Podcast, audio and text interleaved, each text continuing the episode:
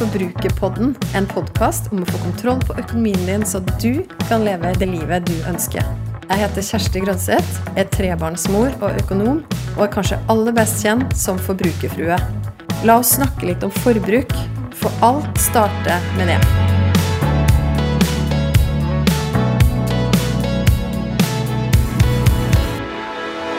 Hei og velkommen til en ny episode av Forbrukerpodden. Det her er Kjersti som er så glad for å få lov å tilbringe de neste minuttene sammen med nettopp deg, der du er i din hverdag, midt i ditt liv. I dag har jeg lyst til å snakke om tre måter du kan nå målene dine på. Og hvorfor tenker jeg at dette er relevant akkurat nå?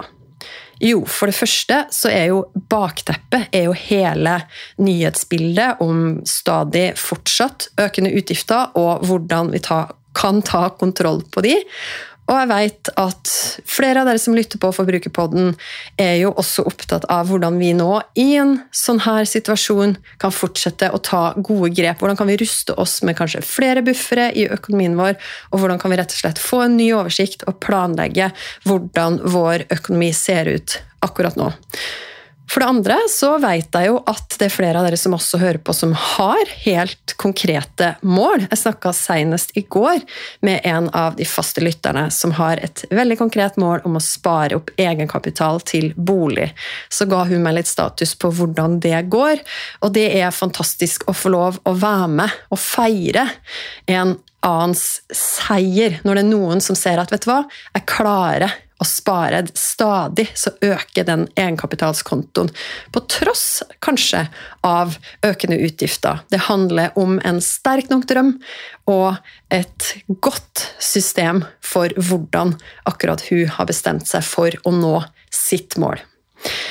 Og for det tredje så tenker jeg jo at du som hører på Forbrukerpodden, om det er første gang, eller om du har hørt på den før mange ganger, så er det jo sånn at det er mange av prinsippene, de økonomiske prinsippene, som går igjen fra episode til episode.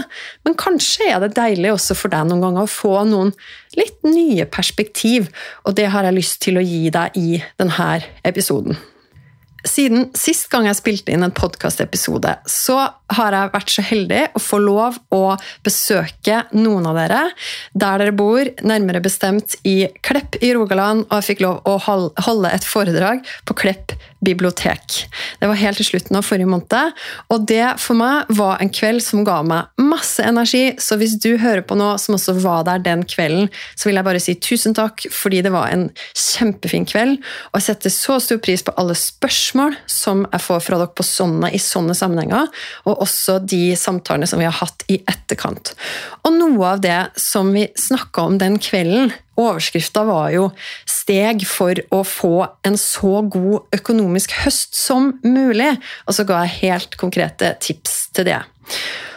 I tillegg så snakka vi litt perspektiv, og da apropos det å ha et mål for økonomien din. Altså, jeg delte noen tanker som jeg har hatt, litt i det siste, som går på det at kanskje finnes det sånn tre nivå Vær med meg på det tankeeksperimentet. Det finnes tre nivå av mål i din økonomi, så kan du se hvor du kjenner igjen deg sjøl. Og det her var også noe som blei til ganske spennende samtaler med den gjengen også som var på Klepp og i ettertid. Første nivået i din økonomi handler om å overleve. Og der er det jo veldig mange som kjenner seg igjen akkurat nå. Med bakteppet økende utgifter og litt usikkerhet på hvordan det her kommer til å slå inn når det slår til for fullt. Spesielt kanskje det med renta. Og det med strømmen også, ikke minst til vinteren. Fordi nå er det jo i flere deler av landet rekordhøye strømpriser i en periode som vi vanligvis ikke har så høye strømpriser. Så hvordan vil da vinteren se ut? Så for mange så er det målet er egentlig å overleve, og det å kanskje skape seg litt mer rom i sin egen økonomi. Neste nivå det handler jo om å eie ditt eget liv. Og det kan jo brytes ned i flere mål. Altså F.eks. hun som jeg snakka med i går, da, som har lyst til å eie sin egen bolig. Det er jo veldig konkret, og så setter du seg et mål og sparer opp til det. Det å eie ditt eget liv tenker jeg handler om at du er veldig bevisst på dine egne prioriteringer. Og det vet jeg også at det er mange av dere som hører på Forbrukerpodden, som, som nettopp er. Og at dere har lært de enkle økonomiske verktøyene for å få oversikt og vite hva du har Gjerne også vite hvordan du kan øke kaka di, øke inntekten, og også hvordan, hvilke grep du kan ta for å kutte levekostnader uten å redusere livskvaliteten. Du er bevisst på hvor mye penger du vil sette av til å nyte livet. Du har noen konkrete drømmer som du sparer til. Og du veit også at du har sikra deg her og nå, og i framtida, med at du har en plan, du har gjerne noen buffere, du har betalt ned dyrlån eller er dyre lån eller er på vei til å gjøre det, og du veit også hvor mye du trenger å spare til pensjon. Så det kan du si, Alt det der handler om liksom nivå to, eie ditt eget liv. Og det er jo ingenting som føles bedre enn å gå fra det og kjenne at åh, nå handler det om å overleve, til å ha tatt en god del grep. Det kan jo være både på å få kontroll på utgiftene, men også det å, å få økte inntekter, og hva det kan bety for noen i noen sammenhenger. ikke sant? Å komme seg litt ovenpå og kjenne at nå eier jeg mitt eget liv og mine egne prioriteringer. Så skisserte jeg også type nivå tre som handler om å gi videre. Og Du som har hørt på Forbrukerpodden før, du vet jo at bare i den modellen som jeg pleier å bruke veldig ofte, som er kakemodellen, som representerer hvordan du prioriterer å fordele inntekten din i løpet av en måned, der har jeg jo et eget kakestykke som handler om å gi. Så jeg tenker at det å kunne komme dit, jeg tror det er et viktig prinsipp, uansett egentlig hvilket nivå du er på. Men det er klart at hvis du sjøl strever med å overleve i din egen økonomi, så er det jo ikke nødvendigvis bærekraftig heller at du skal bruke veldig mye av dine inntekter akkurat nå på å gi til andre, sjøl om det kan være en viktig verdi for deg. Jeg tror likevel på å etablere prinsippet og si det og fortelle dine penger og fortelle deg sjøl at ok, uansett hvor jeg er hen akkurat nå, hvis det er en viktig verdi for deg, så velger jeg å ha sånn, et tankesett der jeg ønsker å være raus og gi til andre. Og så er det ikke sikkert at det alltid handler om penger. Det kan handle om å gi tid, gi oppmerksomhet og være med og bidra på andre måter også. Det handler også, og det er et perspektiv jeg har lyst til å løfte fram også til deg som hører på Forbrukerbåten, det handler også om å gi videre kunnskap. Og hvor fint hadde ikke det vært nå, i den situasjonen som vi er i nå, der vi vet, og kanskje er det flere enn du tror, eller visste om, som står i litt økonomiske bekymringer nå. Tenk om du begynte, du som har tatt gode grep, og som kjenner at du er ikke så bekymra akkurat nå. Du har faktisk fått en del kunnskap.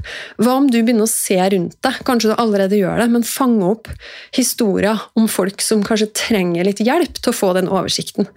Hva om vi blei sånne som så rundt oss og tilbudte oss og turte å tråkke litt over den grensa som det kanskje er for mange, og det å snakke om økonomi i det hele tatt. Og tilbudt å hjelpe og se sammen på konkrete tall, eller å ja, rett og slett bare være en som kan være der for noen som sliter akkurat nå.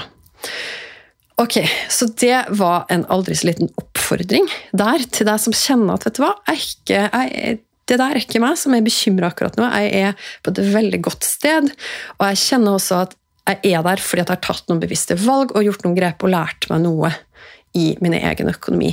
Gi, Finn måter å gi det videre på. Og så er det sånn at For alle så er det ikke nødvendigvis sånn at målet er å komme seg fra nivå 1 til 2 til 3. Men det handler litt om å kjenne på i ditt liv. Da. Hva er det som er ditt mål? Og så tror jeg det vil variere fra periode til periode også. Og en av de tilbakemeldingene jeg fikk etter at jeg snakka om det her den kvelden på Klepp, var fra ei som sa at hun var glad for at jeg hadde snakka om at det var et helt legitimt mål å ønske å overleve i sin egen økonomi. Fordi hun hadde en venninne, en alenemor til fire barn, som sliter mye akkurat nå, og som var der, og som hadde veldig godt av å kunne høre et sånt budskap og bli oppmuntra i at det finnes konkrete grep også der som du kan ta. Så hvis det treffer deg også som hører på Forbrukerpodden, det med de tre nivåene, tenk litt på hvor du er, tenk på hvor folk rundt deg er, og hva du eventuelt kan bidra med. Ok, og Så er vi over da på tre måter å nå de her konkrete målene dine på.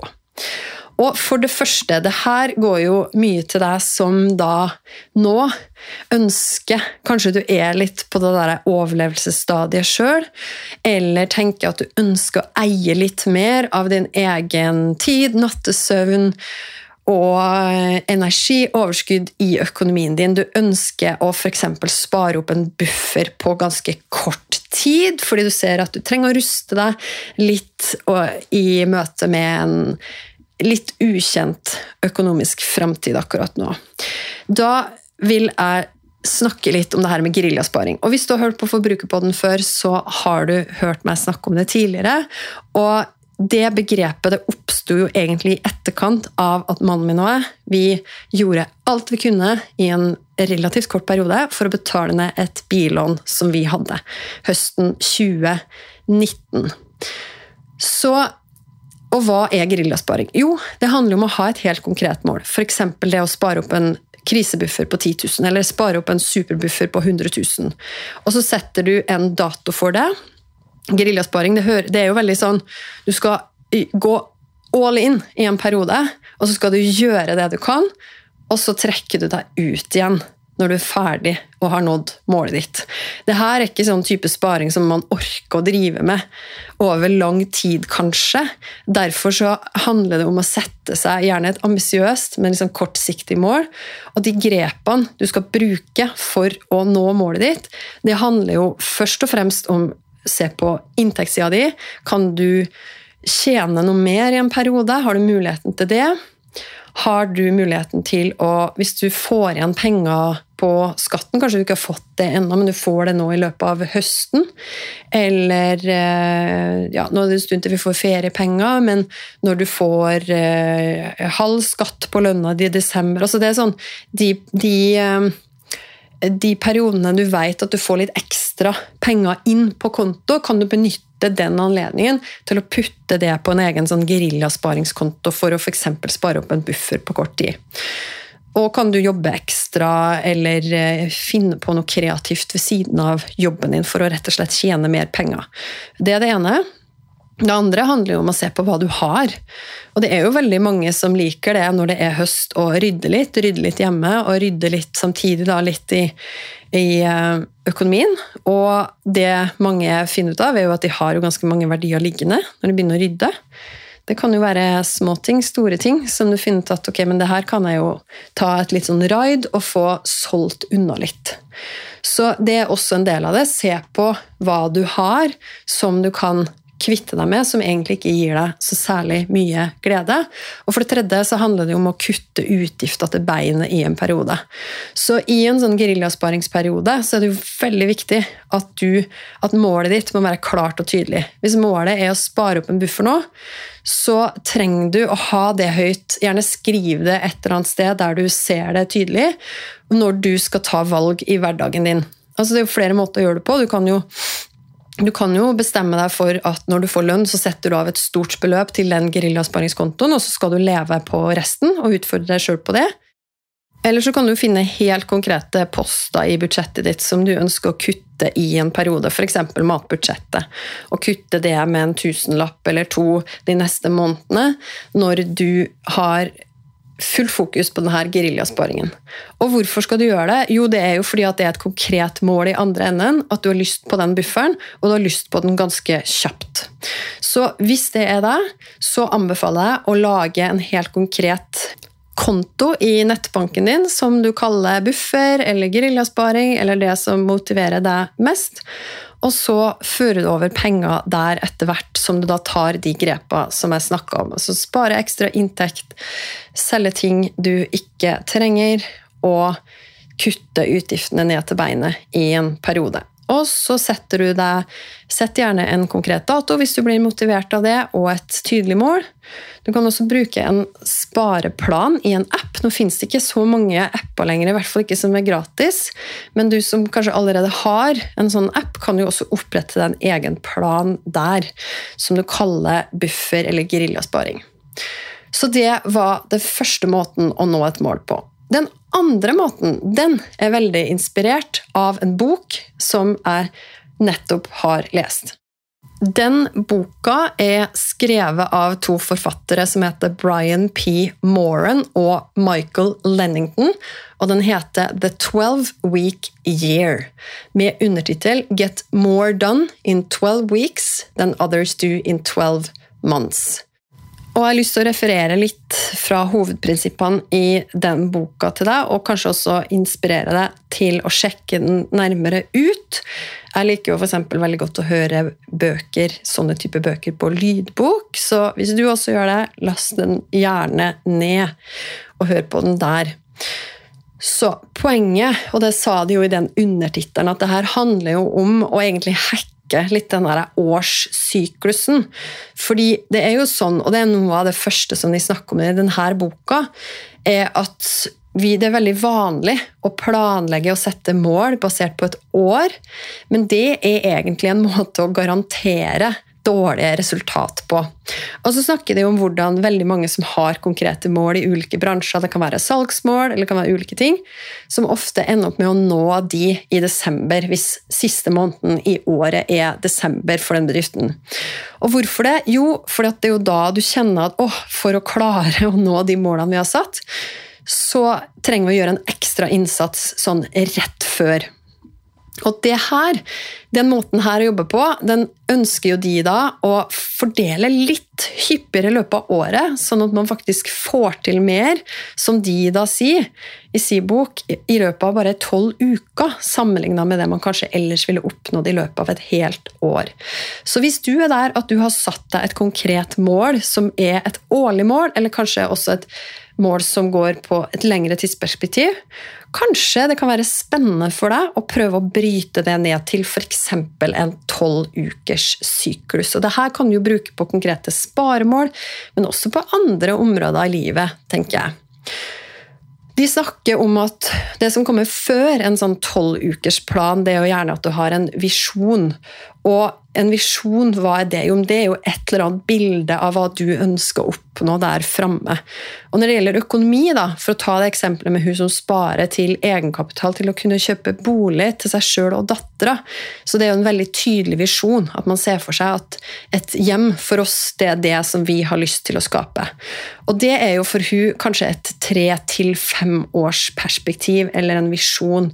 I løpet av de neste tre til fem åra så skal jeg ha oppnådd akkurat det. Hvilke mål er det du har, eller hvilke visjoner er det du har hvis du ser for deg ditt liv om ti år? Eller hvis du bryter det ned igjen og ser for deg ditt liv om tre år? Hva er det du ønsker når vi snakker om økonomi? da? Hva er det du ønsker å tjene? Hva er det du ønsker å gjøre? Altså, Hva vil du bruke penger på? Hvor vil du bo? Og hva vil du bruke tida di på? Det er jo sånne nøkkelspørsmål som du kan stille deg. Hvor ser du for deg deg sjøl om ti år? Og så for å gjøre det enda litt nærere i tid, hva ser du for deg da? For å nå dit om ti år, hva må du da ha oppnådd i løpet av de neste tre åra? Og så kan man jo gå sånn og så bryte det ned til man da kommer til en sånn tolv ukers plan, som er basert på den visjonen du har for hvor du ønsker å være om tre år eller om ti år.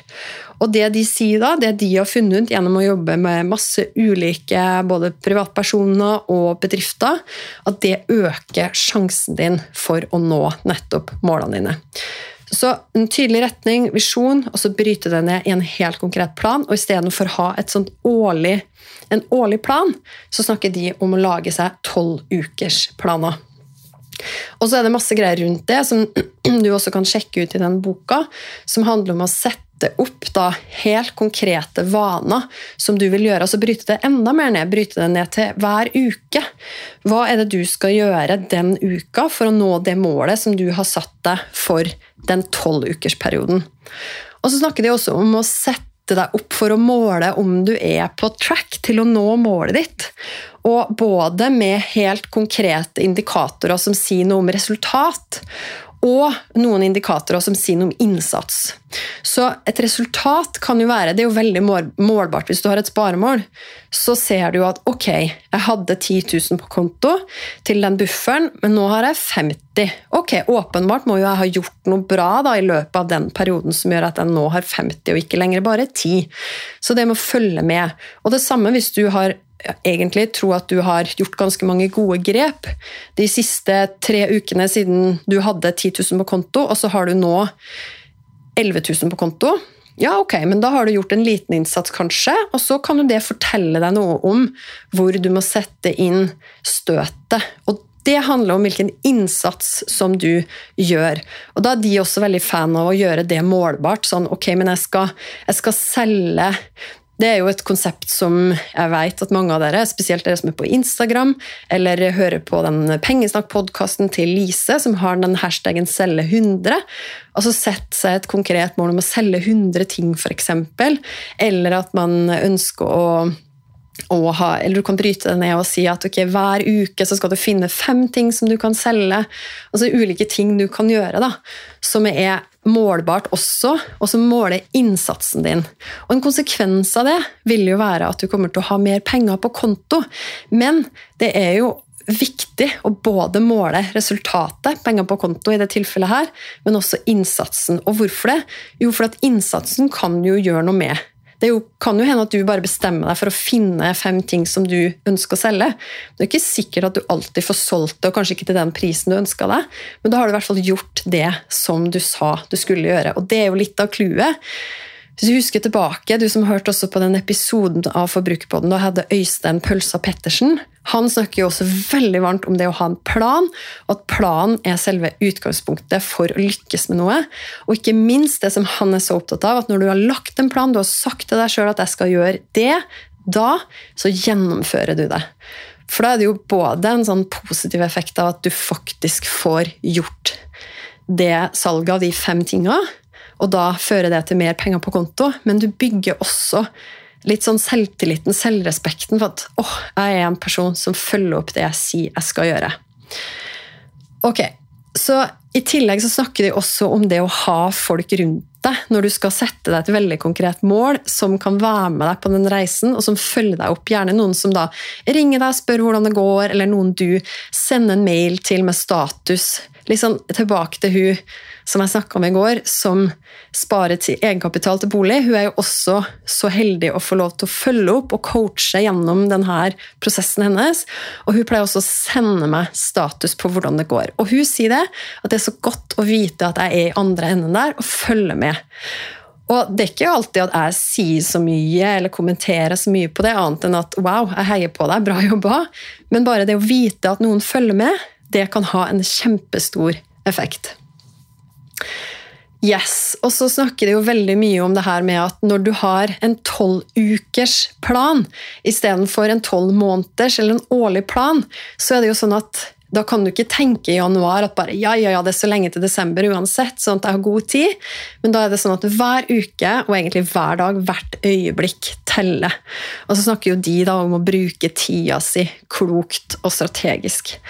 Og det samme gjelder for deg hvis du har et tydelig økonomisk mål det å finne ut hvilke grep du skal ta, og følge dem opp og gjøre det ukentlig innenfor den tolvukersplanen, så er jeg veldig spent på å høre nå om noen av dere som hører på Forbrukerpodden i dag, har lyst til å dele med meg, hvis du ble inspirert til å sette deg en sånn tolv ukers mål eller en plan, og sparre videre med meg på hvilke tiltak kan du sette opp fra uke til uke i løpet av en sånn plan.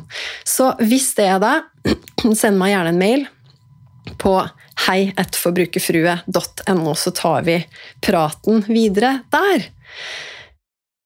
Ok, Det var den andre måten å nå et mål på, nemlig med en tolvukersplan. Og jeg håper at du fikk noen nye perspektiv nå. Den tredje og siste måten det handler om å gå helt detaljert ned i ditt eget budsjett. Sette deg konkrete mål for hver eneste linje i det budsjettet. Dvs. Si alt du ønsker å bruke penger på, helt detaljert. Ta en full gjennomgang av din egen økonomi. Hva er det du får inn på konto i løpet av en typisk måned, og hva er det du bruker penger på? Og da snakker vi jo igjen om kakemodellen. Og vi snakker om noen enkle verktøy, f.eks. en budsjettmal, som du som har hørt på før, vet at jeg snakker veldig varmt om. Den er jo litt sånn plug and play, så hvis du har lyst på den budsjettmalen, så kan du laste den ned via linken som jeg legger ut i episodebeskrivelsen. Og hvis du har lyst til å ta det enda lengre, hør på det her. Så der har du fått tre måter å nå dine mål på. Vi har snakka om geriljasparing, vi har snakka om tolv ukers mål, og vi har snakka om kakemodellen og en full gjennomgang og konkrete mål på hver enkelt del av din kake og hver linje i ditt budsjett. Og som vanlig, hvis du sitter igjen med spørsmål eller kommentarer etter denne episoden, så veit du hvor du finner meg, enten på mail eller på innboksen på Instagram. Og som alltid så er jo mitt mål med å dele av min kunnskap, mine perspektiv, at du skal kunne lære noe som gjør at du får enda mer ut av dine penger. Så da gjenstår det bare for meg å si takk for nå. Takk for tida di. Og så håper jeg at du går ut og bruker penger på det som betyr aller mest for deg. Jeg vil gjerne vite hva du tenker etter å ha hørt episoden. Så koble med meg på Instagram. Der finner du meg som forbrukerfrue. Send meg en melding.